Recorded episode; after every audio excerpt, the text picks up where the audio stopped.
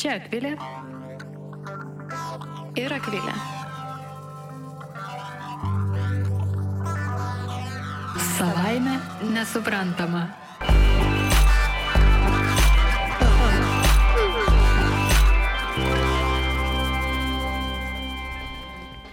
Sveiki, mėly Start FM radio klausytojai, su jumis laida Start, uh, ne Start FM, su jumis laida savaime nesuprantama ir sveikinamės aš Akvilė. Ir aš Akvilė. Ir šiandieną ir vėl turime svečią, svetę viešinę laidoje. Uh, prisistatykite. Mano vardas Natalija Arlauskaitė, aš esu Vilniaus universiteto tarptautinių santykių ir politikos mokslo instituto profesorė domiuosi kinu, vizualumu, feminizmu ir panašiais dalykais. Ir panašiais dalykais. Na, o tie panašus dalykai, vieni iš tų panašių bus uh, mūsų šiandienos tema, uh, kuri yra kalba. Kalba ir kiek kalba lemia mūsų supratimą apie lytis, lyčių santykius, šiaip kas yra tas lyties konstruktas arba nėra lyties konstruktas ir kiek mes lemiame kalbą su savo vartojimu kalbos, kiek kalba lemia mus ir kiek mes lemiame kalbą. Tai toks e, nelengvas, nelengvas sakyčiau, prieimimas prie prieimimas prie temos. Taip. Tai turbūt mes tada bandysime čia apie tai ir pasikalbėti ir turbūt nieko nelaukiant e, galime ir pradėti, ar ne? Startuojam. E, tai kalboje egzistuoja toksai mandagumo standartas, ar ne? Ir e, dažniausiai tas mandagumo standartas tai reiškia, kad visumai nurodyti yra naudojama vyriškos giminės formos, ar ne? Tai galbūt jūs galėtumėt plačiau šiek tiek papasakoti apie tą mandagumo standartą, kodėl jisai toks yra, kam jisai toks reikalingas ir kaip čia taip pat nutiko?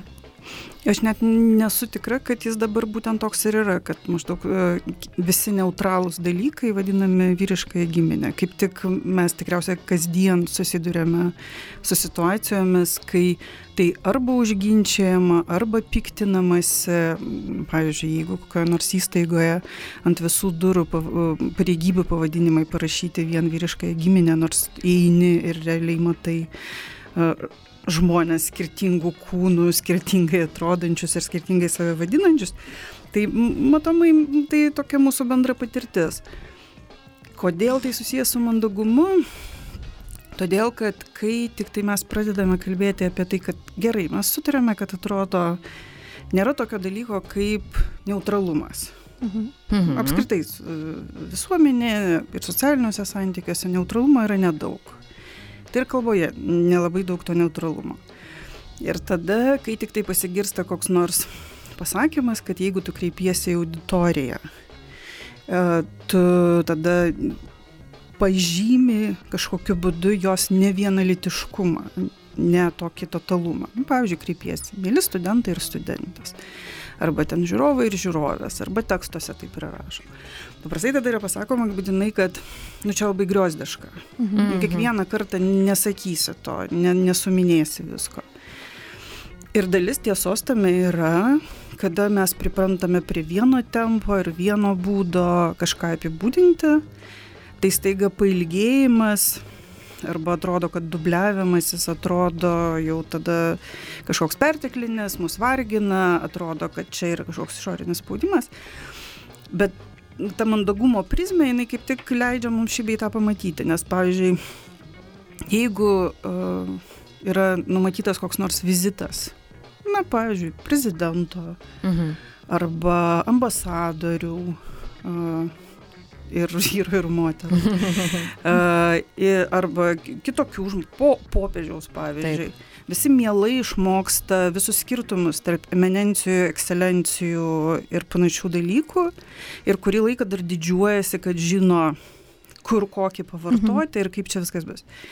Ir tai mus išmoko vieno dalyko, ne tai, kad tai tapatus reiškiniai, mhm. pavyzdžiui, išmokti um, kreiptis tam tikrų būdų mhm. ir išmokti visus šitos e, kreipinius oficialius. O tai mus išmoko to, kad apskritai mandagumas ir etiketas yra varginantis dalykas. nu, tu jo taip. kažkada išmoksti, jis nėra taip, kad tau būtų įgimtas. Ir e, mes žinome, kokios formos yra tinkamos, kokios netinkamos. Kiekvienoje naujoje situacijoje su skirtingais žmonėmis, vėlgi pagal amžių, su vyresniais vienaip, mhm. su jaunesniais kitaip. Tuinimasis visoks, juinimas, jis gali būti mandagus, o gali būti suvokiamas kaip, kaip nemandagus. Ir visi, visi šitie pavyzdžiai tiesiog pasako mums, kad nėra čia nieko savaiminio. Mhm. Kažkokiu būdu mes tai priimam tiesiog kaip normą, mhm. Tam tikrą būdą kalbėti, Tai kaip aš suprantu, realiai tai dabar tarsi tokia nusistovi ar bando nusistovėti nauja mandagumo forma, tiesiog pažymėti abilitis. Jau aš net nekalbu apie lyties variacijas, kurių mm. Lietuvoje turbūt yra, na, dar tik ateinanti tema, bet kalbant vagrinai apie tą dviejų lyčių pažymėjimą kalboje ir, da, ir lietuvių kalboje jis iš tikrųjų yra labai griozdiškas, pripažinkim tą, yra kur kas lengviau paimti ir parašyti vieną žodį, be jokių galūnių kaitaliojimų, bet tuo pačiu aš ir savo praktikos matau, aš rašiau magistro darbą ir kadangi apie heteronormatyvumą rašiau, tai grinai analizuojant teoriškai visą šią sritį nusprendžiau, kad reikia ir darbę atspindėti su savo galūnėm, mhm. įtraukiant tuos žmonės, apie kuriuos mes nutylim. Ir tai buvo labai sunkus darbas. Kiekvieną tą iššūkį. Taip, jau. ir po to galvoju, hm, daugiau niekada nerašysiu tokio darbo, bet jau pailsėjus galvoju, būtinai reikėtų vėl, nes rašant kitus tekstus ir visada įtraukiant, man jau net nebeparašyti abiejų galūnių arba neįtraukti dviejų visi ir visos, man jau kažko trūksta. Aš tada aš jau suprantu, kad aš kažko nepaminiu, aš nepaminiu pusės populacijos realiai. Nu, čia matomai daug kas renkasi tokias individualias strategijas. Mm, tiesiog aš galvoju apie tai, kaip aš rašau. E, man kiekvieną, absoliučiai kiekvieną kartą suminėti pagal abi giminės, man atrodo, iš tikrųjų teksto skaidrumo, lengvumo požiūriu toks e, nebūtinai geriausias sprendimas. Mm. Ir ką aš renkuosi, ir vėlgi čia man atrodo gali būti daug sprendimų, visokių žymėti neneutralumą, ne, ne tiek, kad primiktinai kiekvieną kartą uh, suminėti abi giminės. Mm -hmm bet pavyzdžiui vienose situacijose mm, tu tiesiog gali grafiškai kažkaip pažymėti. Nu, pavyzdžiui, jeigu reikia pasakyti, kad žiūrovų ir žiūrovių buvo ten tiek ir tiek, tai paimi tą į trumpą mhm. įskliaustus ir tokiu būdu tarsi grafiškai parodai, kad čia uh, niekas nemano, kad uh, buvo kažkokia masė, tokia vienarūšė. Taip arba, bet nebūtinai kiekvieną kartą. Taip, taip. Arba galima mm, vėlgi žaisti vien, kažkur mm, tiesiog vartojant moterišką giminę vietoje vyriškos, mm -hmm. tada kai mes kalbame ten, nežinau, sociologės sako, kad o ne sociologai, ja, kad tarsi kas yra vis, neutralu. Visi susirinkę sociologės sako. Šiaip man asmeniškai labai gražus toks visas kalbo žaidimas. Aš gal dar dėl to, jog moku suomių kalbą ir jie labai atsipalaidavusiai žiūri savo kalbą ir na be galo tokia kūrybiška. Uh, kasmet atsiranda šimtai naujų žodžių, pavadinti naujiems reiškiniams, tai jinai mane šiek tiek turbūt yra perlaužusi, kad tiesiog lengviau žiūrėti kalbą, bet mūsų kalba, na, mes netiek daug su ją žaidžiame ir, ir kartais aš jaučiuosi tiesiog provokuojanti su tokiais žaidimais, nors aš net nieko nenoriu blogo tuo padaryti, bet mhm. tarsi tarsi erzin, erzini specialiai kitus žmonės. Ir, ir tas erzinimas jis visuomenė iš tikrųjų yra. Taip. Yra, bet visuomenė taip lengvai susierzina dėl tiek tokių skirtingų kalbinių dalykų. Ne šiaip, susierzina ir apskritai. Taip. Bet ir dėl kalbos susierzina. Tai skoliniai mhm. staiga labai slegia. Tai, nu, nežinau, nu, visa istorija apie komiškus kompiuterio dalių pavadinimus, mhm. laidašliaužiai ten ir taip toliau, ko ten tik tai nebuvo. Ir nu, yra dalis, kuri erzinasi dėl, pavyzdžiui, dėl skolinių arba dėl maža mhm. dėl ko, kai kas mano, kad tarimas turi būti tik tai toks, o ne kitoks. Kirčiavimas mhm. labai griežtai sureguliuotas ir taip toliau. Norminimas tada mhm. visoks atsiranda ir jo toks spaudimas vartojimui. Tai daugybė yra susierzinimo formų, nu, nu, nieko tokio. Tiesiog. Aš dar gal čia mhm. taip į tą pačią, tą pačią temą norėčiau taip už, užakcentuoti, kad mano galva labai reikalauja, na, tas toksai nepamiršimas paminėti abiejų formų, tai to, tokio samoningumo. Nes, vad kaip Akvilė sako, jinai, kai rašė darbą, jinai tarsi buvo įpareigota uh, daryti tai ir paminėti abi formas, nes aš, sakykime, savo irgi patirtyje pastebiu, kad kai aš apie tai negalvoju, tai aš tada tiesiog rašau tą standartinę vyriškąją formą ir visiškai net nekvestionuoju. Bet kai pradedi galvoti apie tai ir sąmoningai tiesiog bandyti pastebėti, tai iš tikrųjų tada nu, tie tekstai pasidaro tokie ganėtinai klampus. Klampus, bet man tada, tada norisi klausti kito klausimo. Ar čia yra toks, na, tą pamatyti, kuo tai yra naudinga įtraukti tas abi giminės. Kodėl jas atspindėti yra iš tikrųjų reikšminga ir ką tai lemia šiaip žmonėms, vaikų auklėjimui, jų savivokai apie tai, kokios jų yra rolės, vaidmenis, a, moterų jutimaisis atspindėtom ir taip toliau, nes realiai tai kalba vis tiek jinai koduoja ir lemia mūsų pasaulyje voką ir elgesį, tokį tą tikrąjį fiziologinį elgesį. Žinom, ir čia jau mes keli kartus apie tai truputėlį užsiminėm, kad labai daug dalykų pasidaro tiesiog automatiški. Tai, tai yra mes kaž, kažkokį vartojimą pavadiname tiesiog nereikšmingu arba nu, įprastu ir kodėl mums čia reikėtų kažką laužyti. Bet tada tai tampa mūsų savasties dalimis, vat, kaip jūs ką tik tai sakėte. Mhm. Ir tada uh, staiga, kai atsiranda kažkokia minimali refleksija, tu staiga supranti, nu ne, kažkaip čia visgi nėra taip. Ir taip persimeta į daug, daugybės ryčių tas automatizmas. Um, nes jis tada tampa ne vien gramatiniu. Mes automatiškai ne vien gramatiniu būdu pradedame suvokti, kas yra um, vėlgi savaime suprantama, kas yra norma. Uh, ir ta vyriškoji norma jinai tada pradeda smelktis ir į elgesį, ir į pasirinkimus, ir į vertinimus, ir panašius dalykus. Čia visai neseniai su studentais Ir studentėmis. ir studentėmis, netgi daugiau studentėmis negu studentais šiuo atveju. Kaip tik per feminizmo kursą aptarinėjome gramatinės formas pareigybių. Ir viena iš studenčių sakė, kad jinai skaitė tiesiog darbo skelbimus vienos įstaigos. Ir tame, tame viename skelbime vienos įstaigos buvo pasakyta, kad jie ieško vadovo vadovės ir administratorės administratoriaus. Mm -hmm. Tai yra formaliai uh, įvykdytas tarsi toks spaudimas, reikalavimas uh, pažymėti uh, ir tą, ir tą. Mm -hmm. Bet kodėl tvarka tada atsiranda būtent tokia, mhm. kodėl pasirinkimai žymėti giminę ir atitinkamai tada statusus, prestižus vyksta būtent tokiu būdu. Ir mes tada kaip tik kalbėjome, kad nėra čia jokios piktos valios. Čia kaip mhm. tik yra automatizmo rezultatas, bet jis labai iškalbingas. Mhm. Iškalbingas ir turintis realias pasiekmes.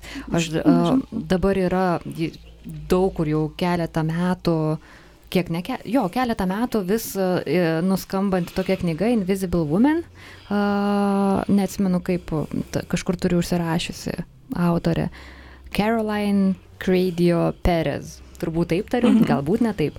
Ir ji tiesiog analizuoja pasaulį iš šališkumo, grinai pozicijos tarp lyčių ir, ir rodo, kaip moteris tiesiog neatspindėtos, kaip išradimai neatspindi moterų poreikių, medicininiai išradimai ir taip toliau, ir taip toliau, ir taip toliau. Ir jis savo dabar pradėjau tą knygą skaityti. Pradeda nuo kalbos analizės ir uh, pristato įvairius tyrimus. Ir tas uh, defaultinis, įprastas vyro giminės vartojimas, tarkim, anglų kalboje nėra tiek mhm. ta giminė išreikšta, tačiau vis tiek visi žino, kad mes kalbam apie vyriškąją giminę, he būtų naudojama ne šį.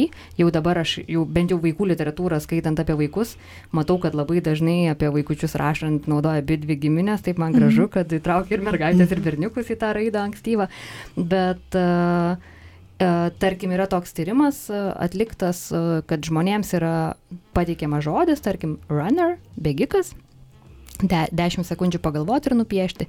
Ir visais atvejais yra piešiamas vyras ir netgi tas toks defaultinis vyro suvokimas, jis perlaužia visus stereotipus ir jeigu yra beautician, tai yra, na, grožio sferos darbuotojas, vis tiek yra piešiamas vyras, o ne moteris, nors mhm. realiai tai jau taip stereotipiškai žiūrint, tai yra tik moterų profesija. Tai labai įdomu, ką iš tikrųjų daro su mūsų suvokimu ir kiek mes tų moterų pastebime ir ne, tiksliau nepastebime, negalvodami, kad mes jų nepastebime. Ir, ir tada, kai pažiūri į visumą, supranti, kad, na, mūsų kalba tokia labai, na, tikrai jau šiuo atveju seksistiška, tada pažiūri, ką žmonės, ką vaikai augdami mato medijose, kai maždaug ten 25 procentai moterų yra per laikraščius, per YouTube, per filmukus, televiziją ir taip toliau, irgi atspindėtų, kur kalba dar mažiau negu 25 procentus ir tada supratai, kad, na, kad čia ne, na, nėra šiaip iš piršto laužimas, o toks uh, tikrai labai neatspindėtas moterų pasaulis. Ir kai kurie žodžiai rezervuoti tik tai vyrams, nors gramatiškai atrodo, kad jie visiškai įmanomi uh, moterišką giminę. Pavyzdžiui, čia vėlgi iš pokalbių su studentėmis ir studentais um, apie genijus ir genijas. Taip. Genijus rezervuotas tik tai vyriška giminė, nors mhm. gramatiškai absoliučiai įmanoma. Ir galima mhm. taip užsispirti ir, ir rašyti tas genijas. Bet e, iš esmės tai mums parodo, kad e, pati idėja konceptualiai mhm. jinai yra įlytinta kad tas e, didžiulis talentas, e, Dievo duotas, e, iš viršaus į apačią nuleistas, perimtas tiesiogiai pagal tokią vyrišką hierarchiją mhm. dieviškumo. Ir va tu čia tada mažesnė dievybė esi ir skleidi savo talentą. Ir atrodo, kad tai nu, toks konceptualus žaidimas, bet galiausiai nežaidimas. Ir čia visgi visa istorija apie premijas, mhm. kurios galbūt jau skamba ir nuvalkiotai, bet gal ir ne. Nes pagrindimai, čia prieš jau tikriausiai tris metus nuskambėjo labai Jotvingių premija. Mhm kai buvo paskaičiuota, Užra Kaziliūnaitė paskaičiavo, kad tuo metu, man atrodo, buvo 39 vyrai apdovanoti ir dvi moteris, kitais metais atsirado dar viena. Ir klausimas, tai atsitiktinumas ar neatsitiktinumas? Mhm. Kaip ir kreipiniai, kaip ir kas tik tai norime. Ir įdomu, kad e, šitose diskusijose visą laiką kartojamas vienas argumentas. Kai yra pagrindžiama, kodėl buvo toks sprendimas, sakoma, kad sprendimai buvo dėl talento. Mes apdovanojame tik labai talentingus.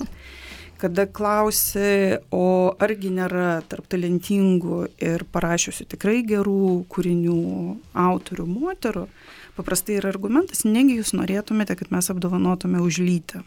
Mhm. Mhm. pagal apibrėžimą gaunasi. Taip. Vienu atveju vertinama ne lytis, o talentas, kitu atveju vertinamas ne talentas, o lytis.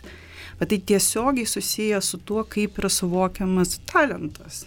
Vėlgi su tais genijais ir genijomis, kam yra rezervuota vieta mhm. tokiame um, išrinktųjų uh, panteone ir kam nėra rezervuota. Ir tai yra susijęs su tuo, kaip mes mhm. kalbame. Aš čia dar gal mąstame, žinoma. Papildyčiau, tokį tyrimą teko atskaityti irgi, pabandysiu jį paaiškinti šiek tiek e, painiai skamba, bet aš pasistengsiu, bet man atrodo, kad jis irgi atspindi tai, va, apie ką jūs kalbate. Tai uh, buvo toksai atliktas tyrimas 2016 e, metais, net taip ir labai seniai, uh, kuomet buvo m, tiesiog vertinami uh, vertinimai žmonių, kurie aplikavo į tam tikrą darbo poziciją. Tai aplikavo ir vyrai, ir moteris, ir tuomet buvo žiūrima, kokie kokie, e, na, tuose vertinimuose jų tiek priemant, tiek atmetant jų kandidatūrą, kokie žodžiai buvo daugiausiai naudojami ir buvo išskirtos tokios trys pagrindinės kategorijos. Tai buvo kompetencija, e, socialumas ir moralumas. Tai čia turime minti tiesiog socialinių normų atitikimas, vertybės ir panašiai. Tai tyrėjai ką išsiaiškino, kad vertinant moteriškos lyties kandidatės dažniausiai buvo pabrėžiamos dvi kategorijos - tai socialumas ir moralumas. Ir vartojami tokie žodžiai kaip atvira, draugiška, sociali, pagarbi ir, ir panašiai, žodžiu, išskiriamos tokios. Na, o tik paskui jau buvo kalbama apie kompetencijas. Na, toks jau kaip vėlesnis, žodžiu, etapas. Ir atmetant kandidatūras lygiai taip pat nepagarbi, grubi, tiesiog formali, uždara ir panašiai. Kompetencijos vėlgi kaip ir į paskutinį planą. O priešingai, kalbant apie vyrų kandidatūras, tiek priemant, tiek atmetant jų kandidatūrą, pirmiausia buvo kalbama apie kompetencijas. Ir tik tai tada vartojami žodžiai, kurie jau paskui, tokiam antram plane, kurie vat, aptarė tą socialumą ir moralumą. Tai vėlgi akivaizdu, kad, na, kaip ir moteriams yra šiek tiek ir didesni reikalavimai nes jos turi ir tuos atitikti, ir dar atitikti ir kompetencijas. O vat, jau vyrams užtenka, užtenka šiuo atveju kandidatuojant kompetencijų. Man atrodo, irgi iš ties ganėtinai iliustruoja šitą atvejį. Taip, taip, žinoma, tai tiesiogiai susiję. Ir apskritai tas argumentas, kurį mes girdėjome ypač per jau tikriausiai dabar jau du ratus uh, diskusijų apie uh, ministrų kabinetą. Mhm. Mhm. Tai ten šitas argumentas jis visą laiką kartojasi. Ne, ten tas toks jau dabar kurioziškas premjero pasakymas apie tai, kad kaip ten mėgsta moteris, kad neprisimenu dabar kažkai kažkoks ten buvo, kur, kur, kur ir arti nepadarumo jau žinoma Bet kad uh, moteris yra visai gerai, bet mes čia dar ir kompetencijų norėtume. taip, taip, taip, taip. taip. Mm, tarsi tai nenumatyta. Mhm. Tai gal su tokia, na, linksma, kuriozinė gaida išeikime muzikinę pertrauką ir po to pratesime pokalbį apie lytis ir kalbą.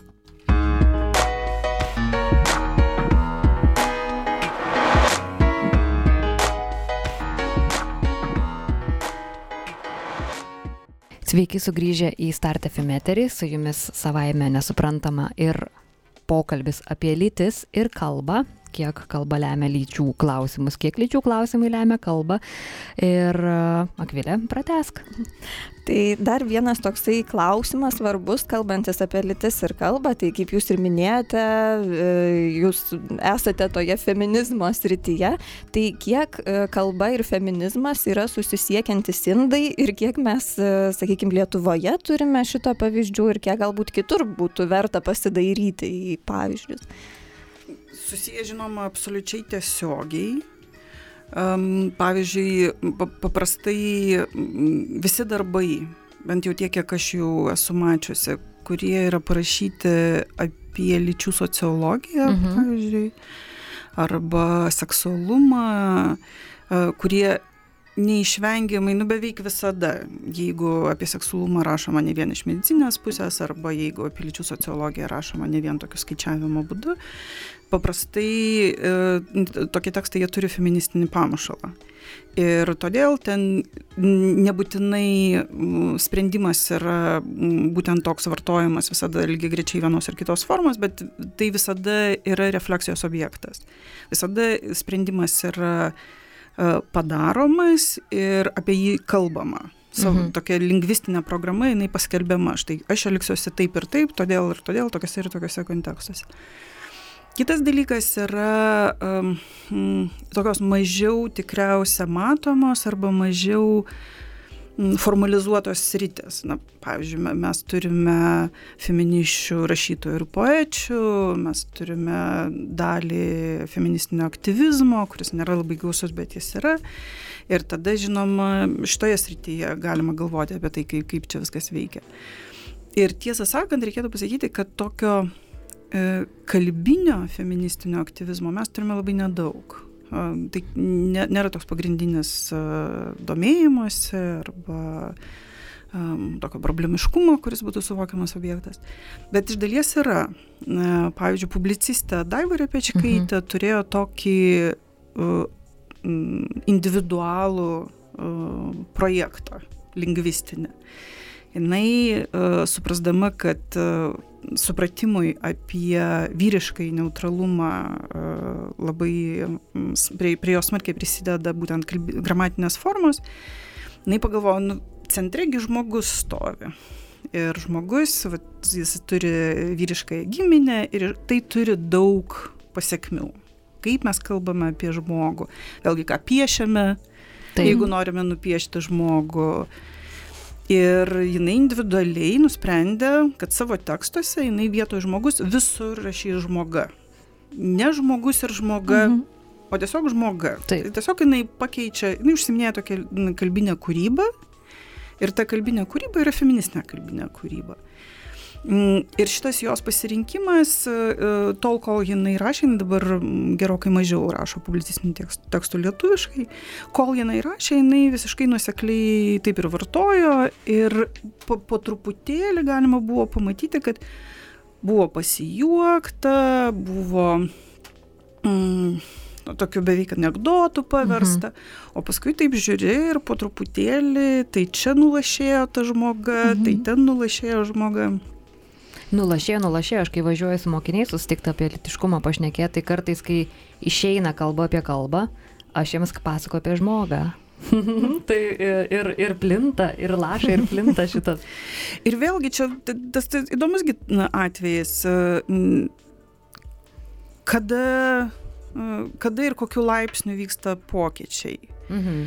Tai štai, pavyzdžiui, per individualią kūrybą ne, ne pokytis kažkoks gigantiškas, bet jis parodo, kad galima kurtis individualios zonos. Individualias kalbinės zonas, jos tada šiek tiek išeina už individualumo ribų, pavyzdžiui, publikuojant tekstą. Mhm. Ir tada tekstas gali susilaukti pasipriešinimo, gali susilaukti pritarimo, gali tiesiog simpatijos. Aš, mhm. pavyzdžiui, taip nevartosiu, bet uh, man šitas uh, užsispyrimas kalbinis atrodo mhm. galbūt visai simpatiškas. Ir to, tokiu būdu ir tada galbūt ir plečiasi ta erdvė, kurioje priimtini eksperimentai. Taip. Aš pagalvojau, kad čia toks kalbinis grassroots e, judėjimas yra, kai tiesiog iš, iš pašaknų žmonės po truputį jausdami poreikį, kažkokius trūkumus, spragas ir sa savo įvardinti, savo poreikiams įvardinti, pradeda keisti, aišku, su visais socialiniais tinklais viskas greičiau juda, tik tiek, kad čia turbūt jau šiaip tada mūsų santykis su mūsų kalba, su lietuvių kalba yra, kadangi jis toks rigidiškas, jis mhm. labai uh, įsitempęs, mes bijome nuklysti nuo normų. Uh, tai nėra ta kūryba tokia masiška, tačiau įsivaizduoju, kad aš taip tikėčiausi, kad laikui bėgant mes atsipalaiduosim šitą raumenį. Turbūt, turbūt. Staiga kalbos komisija mažiau baudžia, mhm. galbūt ir apskritai nieko nebedarys. Ateis ta diena. Oi, geras. Tai bet e, čiagi apie spaudimą, taip, ar ne? Taip. Tai e, apie tokį norminį, kalbinį norminį spaudimą. Tai jeigu jis sumažės, tai prisidės. Žinoma, ne vien viskas vyksta dėl um, to, tokio įsivaizdavimo apie kalbinį standartą, didelis, didelio, apie, dėl, dėl jo didelio svorio. Gerokai svarbesnė, svarbesnės yra nuostatos visai nekalbinės, o mhm. kitokios prigimties. Uh, vėlgi rutinos, kurios yra sunkiai įveikiamos, um, samoningumas, Taip. kurios toka vis pasireiškia. Taip, taip, ne, nes sąmoningumas tai yra darbas realiai, net, net ir labai sąmoningi žmonės kartais tiesiog pasvajoja. Pasielgia nesąmoningai. Šiandien, šiandien, šiandien sauliaisiu. Bet tas, tas kalbos sąmoningumas šiaip yra įdomu man. Uh, jau dabar kai pastebi tuos dalykus, tas galūnės, tarkim, būti moteriškam kolektyve, darbe arba atvažiuoti susitikti su mokytojomis arba su moksleivėmis. Ir kai mes kalbamės, tai labai dažnai būna, tai mes visi esame va šitoj klasiai tos pačios mm. nuomonės. Ir pastovi ir dabar mes čia per pertraukėlę kalbėjom, kaip net ir savo moteris kalbėdama naudoja vyriškasias galūnės. Ir, ir, tas, ir man taip norisi pabrėžti, kaip mes nepamastome apie tą neutralumą, kaip mes į savo tą vyrišką neutralumą pritaikom, net, net su logika pykstantis, realiai kalbinė logika.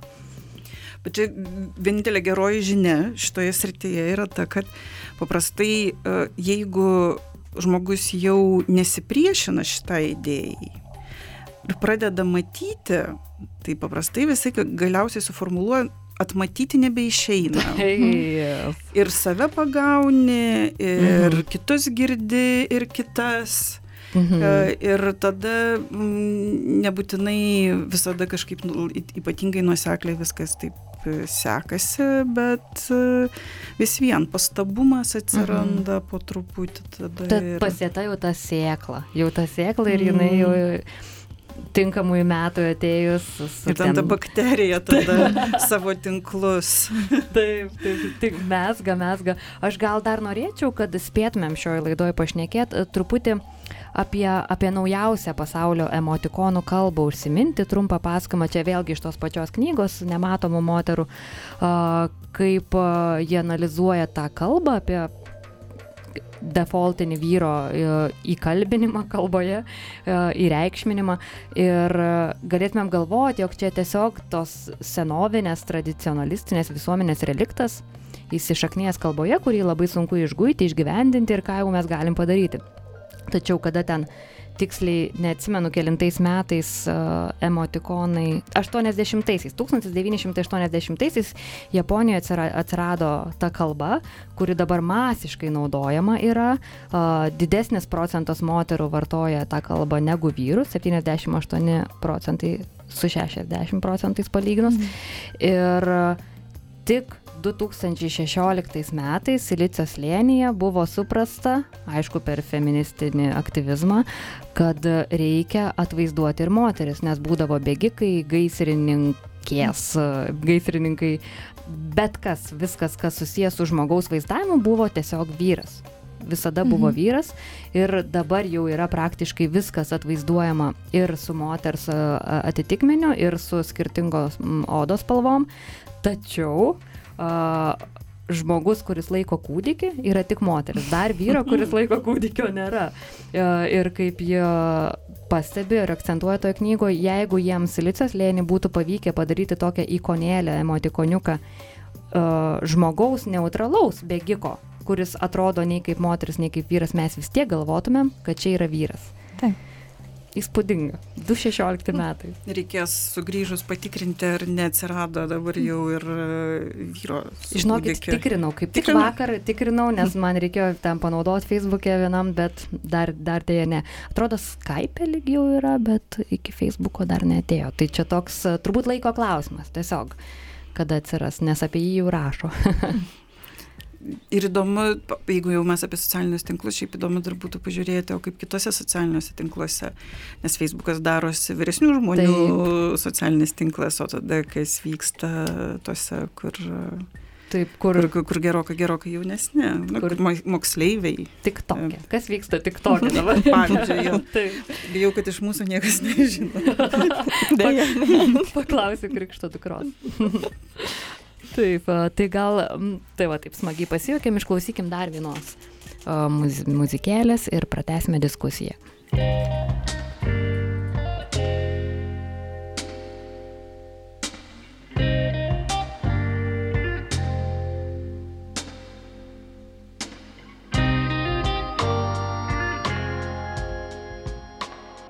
Sveiki sugrįžę į Start FM eterį, su jumis savaime nesuprantama ir paskutinė uh, pokalbio, uh, pokalbio Dalis. dalis, a, gy, aktas, gyja, a, apie kalbą, lytis ir kaip vieni kitus veikia.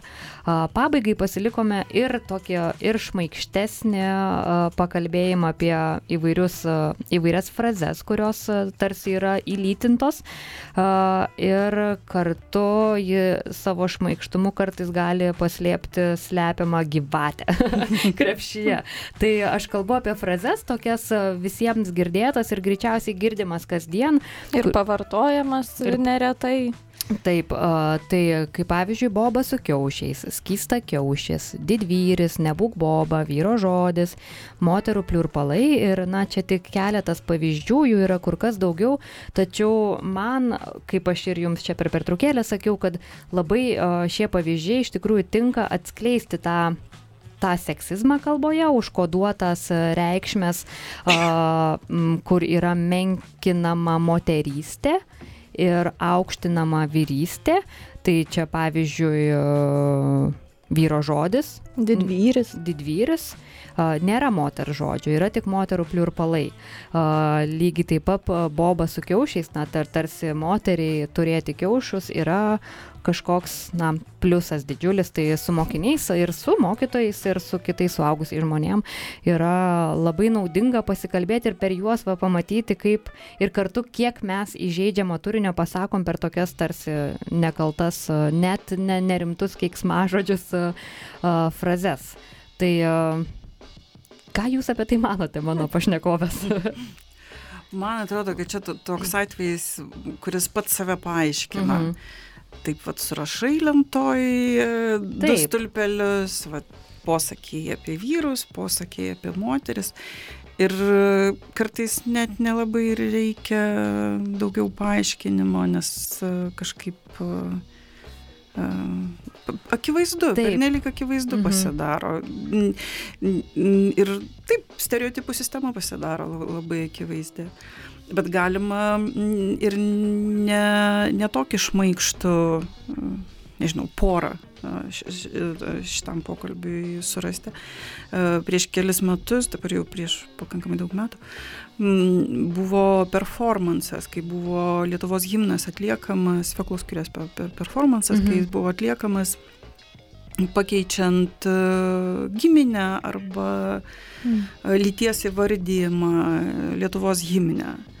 Ir e, dalis publikos tai matė kaip iš esmės e, e, valstybės simbolio įžeidimą. Mhm. O ir gaunasi, kad e, tiesiog tai, kad ne didvyriai, o to, tame tekste buvo didmoteris Mhm. ir, ir, ir panašus dalykai padaryti, tai yra įžeidimas. Mhm. Ir čia įžeidimo su moteriška lytim susijimas toje vietoje, kur mes kalbame apie valstybės simbolius, jis irgi yra savaime iškalbingas. Maždaug, čia moters e, valstybės simbolių sistema negali būti. Mhm. Um, žinoma, pasipiktinimas netotalus, performansų daug kas nemato ir nieko apie juos nežino. Čia yra toks uh, pakankamai uždaro rato mm, veiksmas ir Mhm. žinojimas apie tai, bet visgi labai iškalbinga. Ja. Taip, Labai iš tikrųjų įdomus e, dalykas, pati negirdėjau, bet e, net įdomu pasidarė, paskui reikės palaidos pasimti tą himną ir pabandyti pasižiūrėti, kaip iš tikrųjų, kaip jisai keičiasi pakeitus giminę. Tai iš čia gal ir toksai kyla tas paskutinis klausimas. Tai iš esmės, ką reikėtų daryti? Ar reikėtų daugiau tų performansų? Ar reikėtų drausti bobą su kiaušais? Ar, žodžiu, na, kokia galėtų būti išeitis? Ar, ar mums iš vis gramatinę gal struktūrą visą kalbos reikia pergalvoti? Tarp kitko apie gramatinę struktūrą. Paprastai, e, kai tik tai prasideda kalba apie giminės e, žymėjimą gerokai dažnesnį ir lygesnį, subalansuotą, paprastai sakoma, jūs norit e, kalbos struktūrą pakeisti. Gramatinę struktūrą. Ir žinoma, nieko panašaus. Su gramatinė struktūra tai neturi nieko bendra. Ir paprastai tada sakoma, kad e, štai yra toks e, kalbos skeletas, kurio keisti negali, nes be jo kalba subyra. Bet tada galima pag- pagalvoti, kad ne tokie dalykai kaip dviskaita. Mhm. Buvo, buvo, nebėra. Daugybė kalbų e, keitėsi gramatinio laiko sistema. Ir nieko, niekas nejaučia šito galingo mhm. nuostolio ir kiekvieną dieną nesisiloja dėl to. Tai jeigu čia apie kalbos struktūrą, o čia mes kalbame apie visai kitokius dalykus. Mes kalbame apie vartojimą, kuris mum, mums, kaip e, visuomenės e, daly, nariams, narėms, e, atrodo tinkamas, kuris mums, mus aprašo, kuris mus su, mumis siejasi. Tai šioje vietoje gaunasi, kad tik tai kalbant apie tai, o visgi, o kas mus sieja, kokiais pagrindais mes atsidurėme kartu ir taip pat ir bendroje kalbinėje erdvėje. Ir žinoma, ne, nu, ne, ne draudimai, ne Mhm. potvarkiai, ne normos, o mm, individualios intervencijos, kūryba, pokalbiai apie tai, kas, ką, kas kam priimtina, kas nepriimtina. Ir čia mm, toks lėtas dalykas. Mm. Nie, nieko čia nebūna per vieną dieną. Mm, Bet e, taip tikriausiai ir turi būti. Mes, nes tai yra visą laiką visiems susitarimo dalykas. Mes kažkurioje vietoje, va su jumis mes sutarsime. Aš taip jaučiu. O su kažkuo kitu šiek tiek ilgiau tai gali užtrukti. Nu ir nieko tokio. Ir nieko tokio. Taip, Tai na, iš esmės turbūt reikia demaskuoti tai, kas yra savaime tarsi suprantama, padaryti tai savaime nesuprantama, ne, ieškoti tų būdų, kaip parodyti na, ir turbūt skatinti tuos kitus variantus ir tą kūrybiškumą. ne, Mhm. nebijoti kurti, greičiausiai. Taip, ir Ne- patiems nebijoti kurti. ir ieškoti savęs atspindžių kalboje. Taip, ir galvoti apie tai, su kuo mes norėtume matyti save kartu. Jeigu mes suvokiame sa savo buvimą su kitais ir kitomis, tai matomai ir kalba turi būti tokia. Jeigu mes įsivaizduojame, kad mes esame kažkoje toje ni- niekaip nesužymėtoje masėje, nu, tada gali būti ir, ir neutrumai. Vyriškiai. Nebūkim neutrumais, e, būkim pastebėtos ir pastebėti, e, taikoma ir vyrams, ir moteriams. Ir nepakalbėjome apie translitiškumą, bet nebejoju, kad dar kažkokią temą užmesim ir Lietuvoje, kaip, kaip atspindėti su, su, su šita sritim susijusius kalbinius trūkumus. Tačiau šiai dienai, šią dieną tariu ačiū Akviliai, ačiū Natalijai Arlauskaitė už pokalbį, buvo Ačiū labai nuostabu įdomu, ačiū ir Dėkui. a, iki sustikimo iki, gero jums klausytojai gyvenimo.